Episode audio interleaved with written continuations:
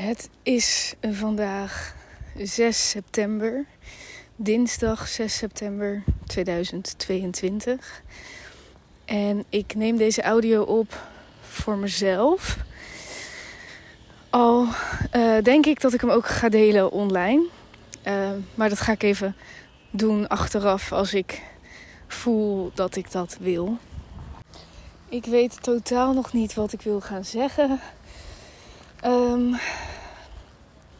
maar ik weet wel dat het vandaag exact vier weken geleden is dat ik er achter ben gekomen dat ik zwanger ben.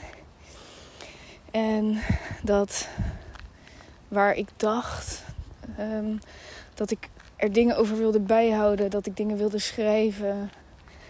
Ook om het te verwerken, um, maar ook om, omdat ik weet dat het goed is, sowieso en om er later op terug te kunnen kijken. Maar dat is niet gelukt. Um, het is zo'n mentale rollercoaster geweest en eigenlijk ook fysiek. Dat, dat ik niks kon bijhouden. Dat ik het enige wat ik kon doen was proberen om zoveel mogelijk mijn gedachten te verzetten. Um, en, en nou ja, eigenlijk is dat ook niet eens het juiste antwoord. Want wat vooral hielp was om er heel erg te gaan lezen over bevallingen, zwangerschappen.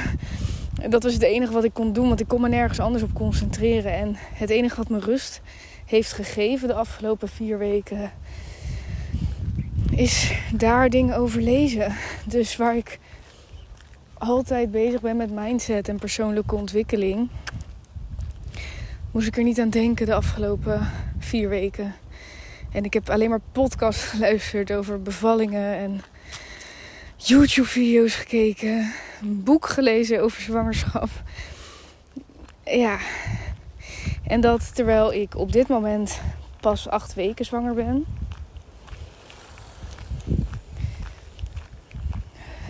Maar ik heb het gevoel. Ja, het is nu al zo'n ding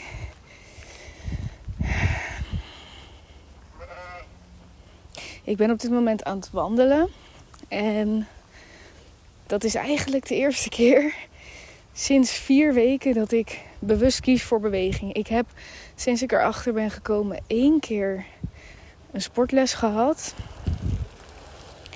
Um, dat was een beetje aan het begin, na de eerste week denk ik. En sindsdien nauwelijks bewogen. Met name omdat ik heel erg misselijk ben geweest. Maar ook omdat ik het mentaal niet kon. Ik, ik heb heel veel geslapen extra overdag. Ik vond het heel moeilijk om te werken. Maar ik vond het ook heel moeilijk om bewust te kiezen om goede dingen te doen. Dus bijvoorbeeld voor ontspanning te gaan bewegen. En ik vind dat wel interessant om te beseffen dat ik weet vanuit mijn mindset kennis hoe belangrijk het is om voor beweging te kiezen. En hoe belangrijk het is bijvoorbeeld om te gaan journalen als je je niet goed voelt, omdat je dan die gedachten van je afschrijft. En het is ook wat je altijd ziet op YouTube, op andere kanalen van mensen die goed zijn in mindset of mensen die veel bereikt hebben, die raden dat soort dingen ook aan. En je hoort nooit eigenlijk de verhalen van de mensen die het niet doen. Die niet gaan bewegen als ze zich slecht voelen en die niet gaan schrijven en die zeg maar niet proactief aan de slag gaan om de situatie beter te maken, maar die er eigenlijk heel erg in blijven hangen. En dat is wel een beetje wat ik de afgelopen vier weken heb gedaan. Maar ook wat het voelde alsof ik geen keuze had, alsof ik dat ook nodig had. En het enige wat ik heb gedaan waar ik heel blij mee ben, is dat ik mezelf daar niet te veel voor heb veroordeeld. Dus ik bewoog niet. Ik heb vreselijk slecht gegeten. Nou, als je mij had gehoord over zwanger zijn en dan dacht ik altijd, dan ga ik echt gezond eten, want er zit een kindje in je buik. En... Maar ik ben zo misselijk geweest dat ik maar dat ik dan op een bepaald moment dacht, ik moet nu dit, iets zouts of iets zoets. En dat moest ik dan eten en dan voelde ik me een beetje oké. Dus en hetzelfde geldt voor bewegen. Ik deed het gewoon niet. Maar gisteren zijn we naar de IKEA geweest om een kast te kopen, omdat ik hals over kop ga samenwonen. Omdat ja, we woonden nog niet samen en dan ineens is over zeven maanden een kindje. En dan, ik zei, we gaan, ik wil zo snel mogelijk bij je intrekken, want dan kunnen we ook nog even aan elkaar wennen. En bovendien merk ik dat ik helemaal niet alleen wil zijn op dit moment. Ik woon zelf in Rotterdam. Ehm, maar ik vind het heel naar om alleen te slapen. Ik heb daar twee huisgenoten nog. Uh, zij weten nog niks. Dus ik heb daar aan het begin. Ik heb vitamines gekocht, foliumzuur, wat je moet slikken als je zwanger bent. En dat verstopte ik allemaal. Ik heb een zwangerschapsdagboek gekocht waar ik overigens nog niks in heb geschreven. Maar alles kocht ik en stopte ik snel weg in een kast, zodat niemand het zou zien. En ik merkte dat ik daar heel slecht op ging. Dus ik ga om de drie dagen naar huis. Pak ik nieuwe spullen. Ik heb daar een konijntje die ik nu veel te weinig zie. Maar die ik dan in ieder geval even schoonmaak. En mijn huisgenoten kunnen hem dan wel eten en drinken geven. Op die manier uh, ben ik de afgelopen vier weken doorgekomen. Ik heb ook één week vakantie gehad met mijn beste vriendin.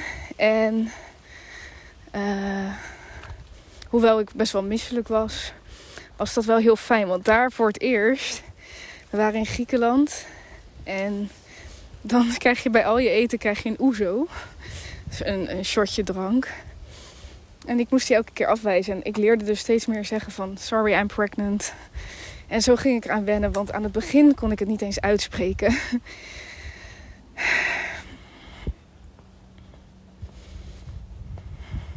ik vind het wel interessant dat ik dus zo veel bezig ben geweest met mindset. En door middel van mindset en discipline en zelfvertrouwen en het hele mentale stuk dat ik stappen heb kunnen zetten.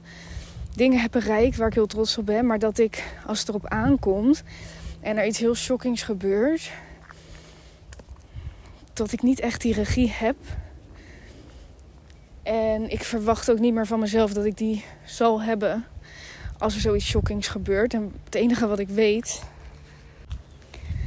Het enige wat ik weet is dat ik er voor mezelf kan zijn. Dat ik met mezelf kan zijn. In de moeilijkste dagen. Natuurlijk is het geweldig als ik snel kan herpakken en snel. Ik hoef niet uitgebreid te sporten, maar gewoon lekker gaan wandelen, naar buiten gaan, mijn gedachten opschrijf. Maar zodra er iets blokkeert, omdat ik het te zwaar vind. Ik had het ook twee maanden geleden met het overlijden van mijn opa, wat me heel erg diep heeft geraakt. Ik check out. Ik check uit. En dat is oké. Dat is oké. En natuurlijk wil je jezelf zo snel mogelijk herpakken. Maar ik denk juist dat doordat ik nu een maand ja, dat, dat niet heb gedaan. Hoe moeilijk ik die maand ook heb beleefd hoor, begrijp me niet verkeerd.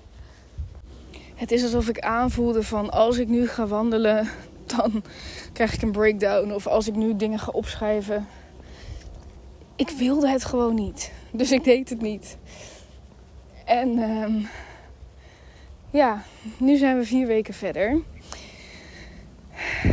De, mm, we hebben al twee hele spannende momenten gehad. Namelijk het vertellen aan de ouders van mijn vriend.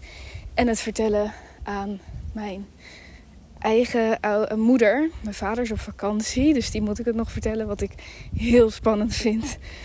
Uh, misschien denk je, hoe spannend kan het nou zijn? Maar ik ben 28 en dat is een prima leeftijd om moeder te worden.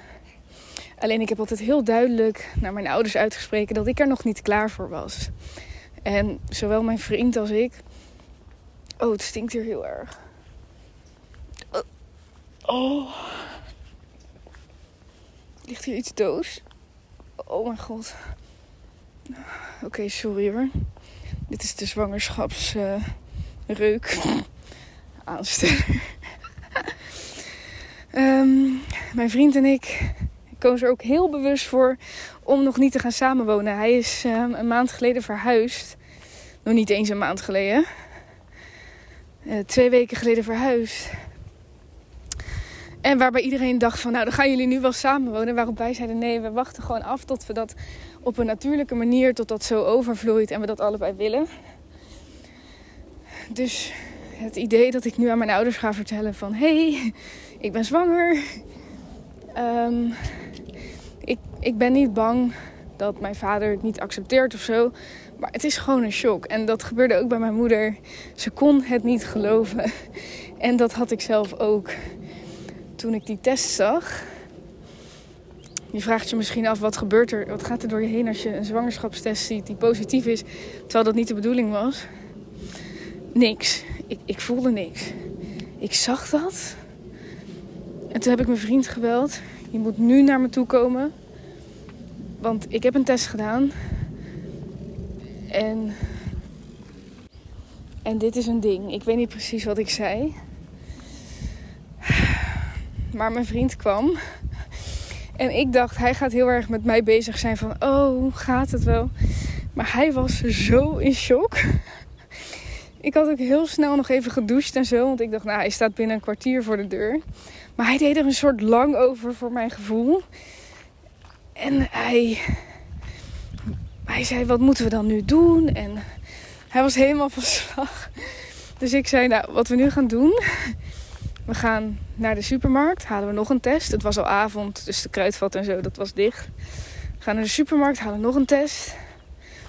En dan gaan we bij jou thuis nog een keer testen. En uh, nou ja, ik wist van de vlogs die ik heb gezien dat als er ook maar een heel licht streepje van zwanger staat, hoe licht die ook is, dat is gewoon de realiteit. Dus ik wist het eigenlijk al, maar goed, je gaat het toch extra proberen. Nou, het was heel duidelijk dat er zwanger stond en ik had gewoon niet gedacht dat dat mij zou overkomen. En ik weet hoe. Weet je, dit, dit zeggen mensen vaker als het onverwacht bij hen gebeurt. Maar ja, dan zit je ineens in die situatie. En mijn vriend zei tegen mij: Wat voel je nu? En ik zei: Robert, ik kan niet praten. Ik weet niet wat ik voel. Ik kan er niet over praten. Geef me een dag of twee. En uh, diezelfde avond begonnen we al een beetje te grappen over goh, hoe gaan we het aan familie vertellen. Terwijl de ochtend daarna ik weer compleet in paniek was. Ik weet nog dat ik tegen vriendinnen zei. Als ik nu zwanger zou worden, hè, dat zei ik misschien een jaar geleden of een half jaar geleden. Als ik nu zwanger zou worden, ja, dan zou ik er wel echt voor gaan. Uh, want hey, je bent oud genoeg en ik heb een stabiele relatie. Alleen toen was het echt zover en ik was, ik was in paniek. Wat betekent dat ik het ene moment dacht we gaan ervoor en het andere moment dacht ik ik kan het niet. Uh, ik kan het gewoon niet en ik schaam me dat dit is gebeurd. En ik heb bij mijn vriend uitgehuild op zijn schouder en ik dacht ik moet zo eerlijk mogelijk zijn over hoe ik me voel. En dat, heeft, dat is echt ontzettend fijn geweest. Maar wat ik ook niet had kunnen verwachten is uh, van een score van 0 tot 10 heeft mijn vriend een 10 gehaald in de communicatie in die dagen. Ik ben overigens aan het wandelen en er staat met regelmaat wat flinke wind, dus dat zal je wel horen. Maar goed, mijn vriend uh, was geweldig. Robert was geweldig. Alleen ik werd me heel, uh, heel duidelijk, heel bewust van het verschil tussen man en vrouw in zo'n situatie. Waarbij hij er alleen maar kon zijn van, nou ja, wat, wat wilde hij? Um, waarbij hij zei, jij bepaalt. Um, maar ook, dat is zeg maar, hoe geweldig hij dat ook deed. Ik voelde de hele tijd dat ik zwanger was. Ik voelde de hele tijd in mijn lichaam dat er iets gaande was. En ik voelde ook dat ik de keuze moest maken de definitieve keuze, hoe fijn het ook was dat hij zei: het ligt bij jou. En ik vond dat heel alleen. Ik vond dat heel lastig. Omdat ik dus echt die momenten had dat ik zei: ik wil dit niet, ik kan dit niet. Het had nog niet zo moeten zijn en complete paniek. Ehm, ja, ik vond, ik vond dat heel alleen. Uh, niet dus omdat mijn vriend tekort kwam, maar gewoon omdat je als vrouw zijnde dan. Ja, uh, je ook nog eens de hele tijd voelt. Ik voelde buikpijn. Ik, ik dacht ook van zit het überhaupt wel goed? Want ik had constant steken en je bent moe, je bent emotioneel. Er verandert zoveel in het begin.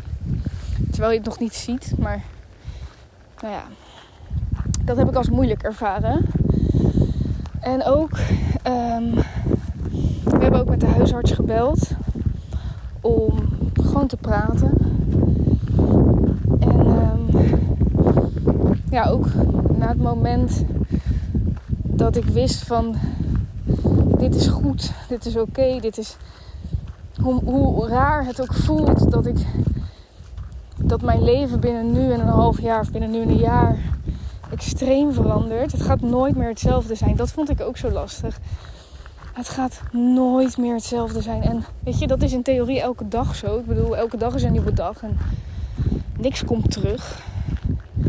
Maar ik word nooit meer de Daphne zonder kind. Ik word nooit meer de Daphne die geen moeder is. En ik weet dat ik dat nu nog een beetje ben. Maar ja, ik voel nu al de verandering. En dat is zo'n gek idee. En er waren nog zoveel dingen die ik had willen doen. Ook al weet ik dat heel veel dingen op een aangepaste manier met een kindje kunnen. En ik altijd zoveel wil. Terwijl waar draait het nou uiteindelijk echt om in het leven? Um, dus nou ja, op een gegeven moment kwam ik wel tot de conclusie van dit is iets heel moois. Dit is prachtig. Dit is het mooiste wat me misschien wel overkomen is. Ik weet, ik twijfel er niet aan hoeveel ik ga houden van het leven wat er aankomt. Maar nog steeds, ook na dat moment dat ik wist van oké, ik voel het nu, ik kan nu er ook blij mee zijn. Dan nog heb ik momenten dat het heftig is.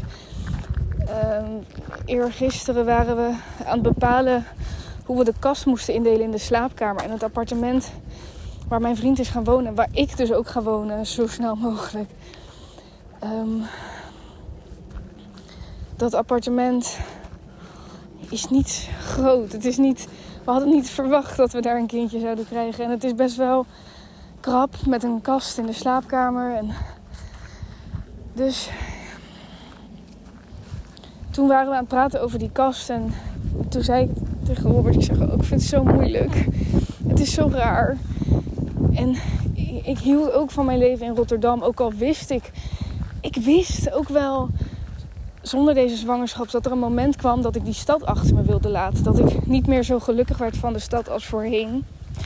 Maar alsnog had ik daar wel een heel fijn leven. Met terrasjes voor de deur, vriendinnen om de hoek. Um, allerlei sportdingen die ik kon doen. Ik zat heel lekker in dat sportritme met rooscycle, spinning, boksen, sportscholen, alles, yoga. Dat heb je op die manier alleen in een grote stad. En dat zijn allemaal dingen die ik achter me moet gaan laten. En nu een soort van gedwongen. En dat is gek, man. Ja. Dus nog steeds, na het moment van oké, let's go. Dit is mooi. Dit is bijzonder. Dit is een cadeau. Nog steeds is, zijn die moeilijke momenten er. We kregen van, de, van mijn schoonmoeder een babypakje. En dat is het eerste babypakje wat ik kreeg. En ik, ik keek ernaar. Ik dacht, ja, ik, ik kan het niet. Ik voel dit nog niet. En een dag nadat ik erachter kwam dat ik zwanger was, ging ik met mijn vriend op kraamvisite. Nou, uh, timing. En had ik dus een pasgeboren babytje in mijn hand. Maar ik kon daar heel goed mee dealen. Als in, ik voelde geen emotie. Ik zei tegen mijn vriend, ja, Het is gewoon een baby. Ik voel er niks bij. En aan de ene kant dacht ik, moet ik dit soort dingen wel delen? En aan de andere kant denk ik ja, want ik heb gelezen dat volgens mij 30% van de zwangerschappen onverwacht is. Ehm, wat betekent dat heel veel mensen er niet over praten, want ik hoor deze verhalen nooit. En natuurlijk is mijn verhaal uniek, maar ik weet zeker dat dit soort dingen bij meer mensen spelen, dit soort emoties. En ik heb ook gedacht van oké, als ik dingen op internet zet, uh, met de mogelijkheid dat dat er nooit meer afgaat, wat wil ik dat mijn kindje hoort in de toekomst? En toen dacht ik, weet je, mensen die ervoor kiezen, die zeggen wij zijn nu klaar voor een kind, wij willen graag een kind. Ik geloof niet dat die meer houden van een kind dan mensen bij wie het kindje onverwacht komt. Um, want op het moment dat je kiest voor een kindje, doe je dat ook voor jezelf. Omdat jij denkt, ik wil nu graag moeder worden. Dat is niet alleen maar dat je denkt, ik wil een, wezen op, uh, een wezentje op de wereld zetten. Daar zit ook een stukje bij van, ik ben eraan toe, ik wil het graag. Nou, dat stuk zat er bij mij niet bij. maar ik twijfel er niet aan dat op het moment dat het kindje er is... Um, ik heb heel erg het gevoel dat het een meisje wordt, maar ik heb echt geen idee. Bij mijn vriend in de familie worden alleen maar jongetjes geboren. Dus we hebben ook wel een beetje het gevoel dat dat, er, dat, dat gender in zit. Uh, maar ik ben nu acht weken, dus dat uh, is ook nog niet bekend. Maar goed, ik denk niet dat ik het erg vind als mijn toekomstige kindje, nee, het is nu al mijn kindje, als die dit hoort omdat het niks afneemt van de liefde die je voelt voor een kindje. Alleen, het is gewoon nog zo onwerkelijk. Als je zelf nog. Ik, heb, ik zei tegen mijn stiefvader onlangs nog: ik voel mezelf af en toe nog zo'n kind. Ik heb het gevoel dat vroeger vrouwen veel sneller volwassen werden. Iedereen trouwens, jonge mannen ook. En nu rekken we dat een soort uit. Stellen we dat uit. En um, hoewel ik wel zie dat er mensen zijn, ik, ook bijvoorbeeld klasgenoten van mij van vroeger, die nu al moeder zijn, waarbij ik dan altijd dacht van wat gek, je hebt zo'n ander leven. Uh, en dit hoort ook echt bij jou. Ik, vanaf als ik dan terugdenk aan hoe ik hen ken, denk ik ja, dit hoort ook bij jou, maar dit hoort niet bij mij. en ergens ben ik heel dankbaar dat ik het nu mag gaan ervaren Um, weet je, mijn vriend en ik met onze uitstel van dat samenwonen en zo. Ja, kwamen wij ooit wel tot het moment dat we zouden zeggen: we gaan ervoor. Omdat we allebei een soort vasthielden aan ons individuele leven. En nou ja, nu hebben we geen keus. Die kleine laat ons geen keus. En misschien is dat exact wat we nodig hebben. Dus ik denk dat ik dit juist wil delen. Ook voor als dit in de toekomst online blijft staan. Het mag geen taboe zijn dat je leven soms heel anders loopt dan je had verwacht. Um, en dat dat lastig is. Dat doet niks af aan liefde die je voelt. Nou, dit waren denk ik zo mijn hersenspinsels voor dit moment. Um, ik uh, zet dit sowieso pas online op het moment dat ik er ook uitgebreid een video over heb gemaakt. Dus op het moment dat je dit eerst luistert, check dan even de beschrijving. Want um, mocht dit online komen, dan staat er in ieder geval ook een video op YouTube waarin ik mijn verhaal deel. En um, ja, daar, want nu ben ik gewoon begonnen. Ik heb het niet eens aangekondigd van hé, hey, trouwens, ik ben zwanger. Dat heb je op mijn Instagram kunnen zien of op die, in die YouTube video. Um, ja, by the way, maar dit heb ik ook in die video verteld. Ik heb dus compleet gelogen de afgelopen tijd over hoe ik me voelde. Dat had niks te maken met mijn uh, darmontsteking. Daar gooide ik het op. Ik heb wel die darmontsteking gehad. Ik heb daar ook medicijnen voor gehad. Um, en ik heb daar niet echt heel veel klachten van gehad.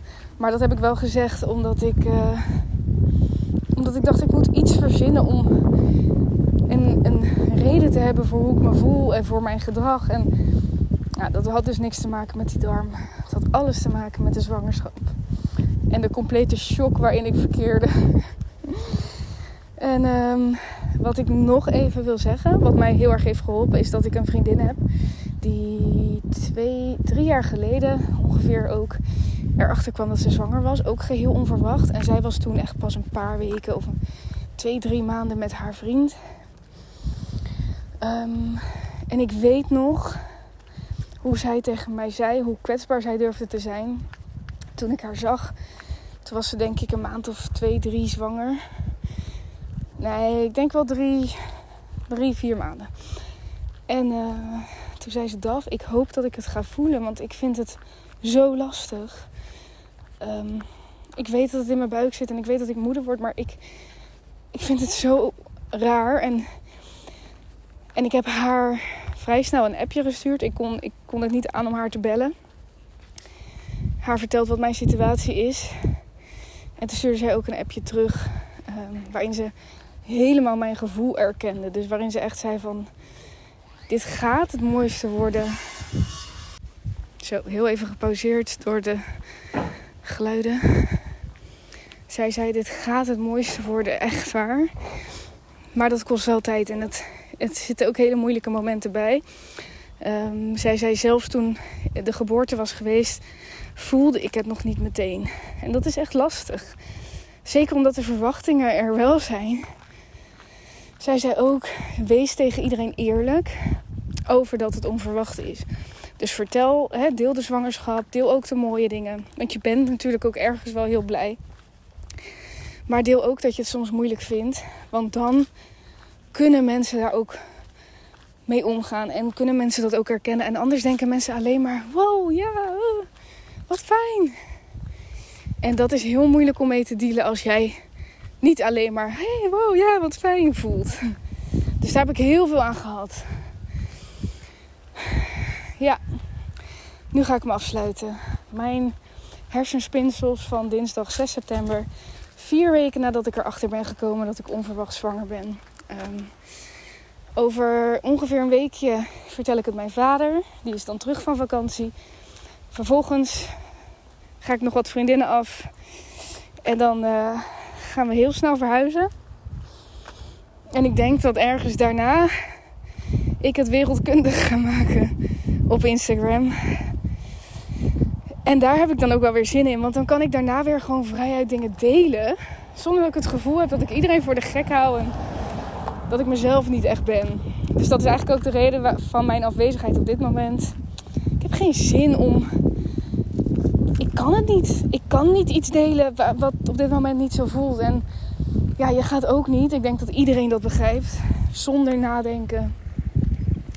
Dingen online gooien. Uh, als je net erachter bent gekomen dat je zwanger bent. Ik bedoel, het moet, eerst moet het aan mensen verteld worden. Je moet ook weten of het allemaal goed gaat. Um, we hebben trouwens al twee echo's gehad, omdat mijn vriend iemand kent die dat doet. Um, eentje was met zes weken en twee dagen. En de ander was met zeven weken en vier dagen. En daarbij was er dus een klop, kloppend hartje. Ze zei gelukkig ook, het is er maar één. Uh, anders hadden we nog weer een hele andere ja, eh, situatie. Maar dat is ook wel fijn. En zij zei dus tussen die twee echo's in dat het heel goed gegroeid was. En dat ze daarom wel kan zeggen van nou, dat maakt de kans op dat het in die eerste drie maanden mis zal gaan, maakt het wel kleiner. Dus in die zin gaan we ervan uit dat het goed gaat. Al weet ik natuurlijk hoeveel er mis kan gaan. En daarmee ook meteen even een disclaimer voor iedereen die zwanger wil worden, maar bij wie het niet lukt. En dat ik dan zo'n verhaal vertel. Ik denk dat we allemaal weten hoe de wereld oneerlijk is. En um, ik heb heel veel respect voor iedereen die in een moeilijke situatie zit. Um, dit verhaal van mij is natuurlijk geen zins bedoeld om een beetje lantefanterig te praten over. Haha, oepsie, zwanger. Dat is uh, absoluut niet zo. En ik hoop voor jou als je heel graag zwanger wil worden, maar het lukt niet. ik weet niet wat ik hoop. Ik wens je gewoon heel veel kracht toe. Want ik kan me voorstellen dat het fucking frustrerend moet zijn. En aan de andere kant zijn er de vrouwen die in mijn situatie zitten. Nou ja, daarvoor is gewoon mijn verhaal. Dat is het enige wat ik kan doen. En um, ik ga nog meer delen, want er valt nog veel meer te delen. Maar dit moest ik nu even kwijt en dit lucht op. Dankjewel voor het luisteren.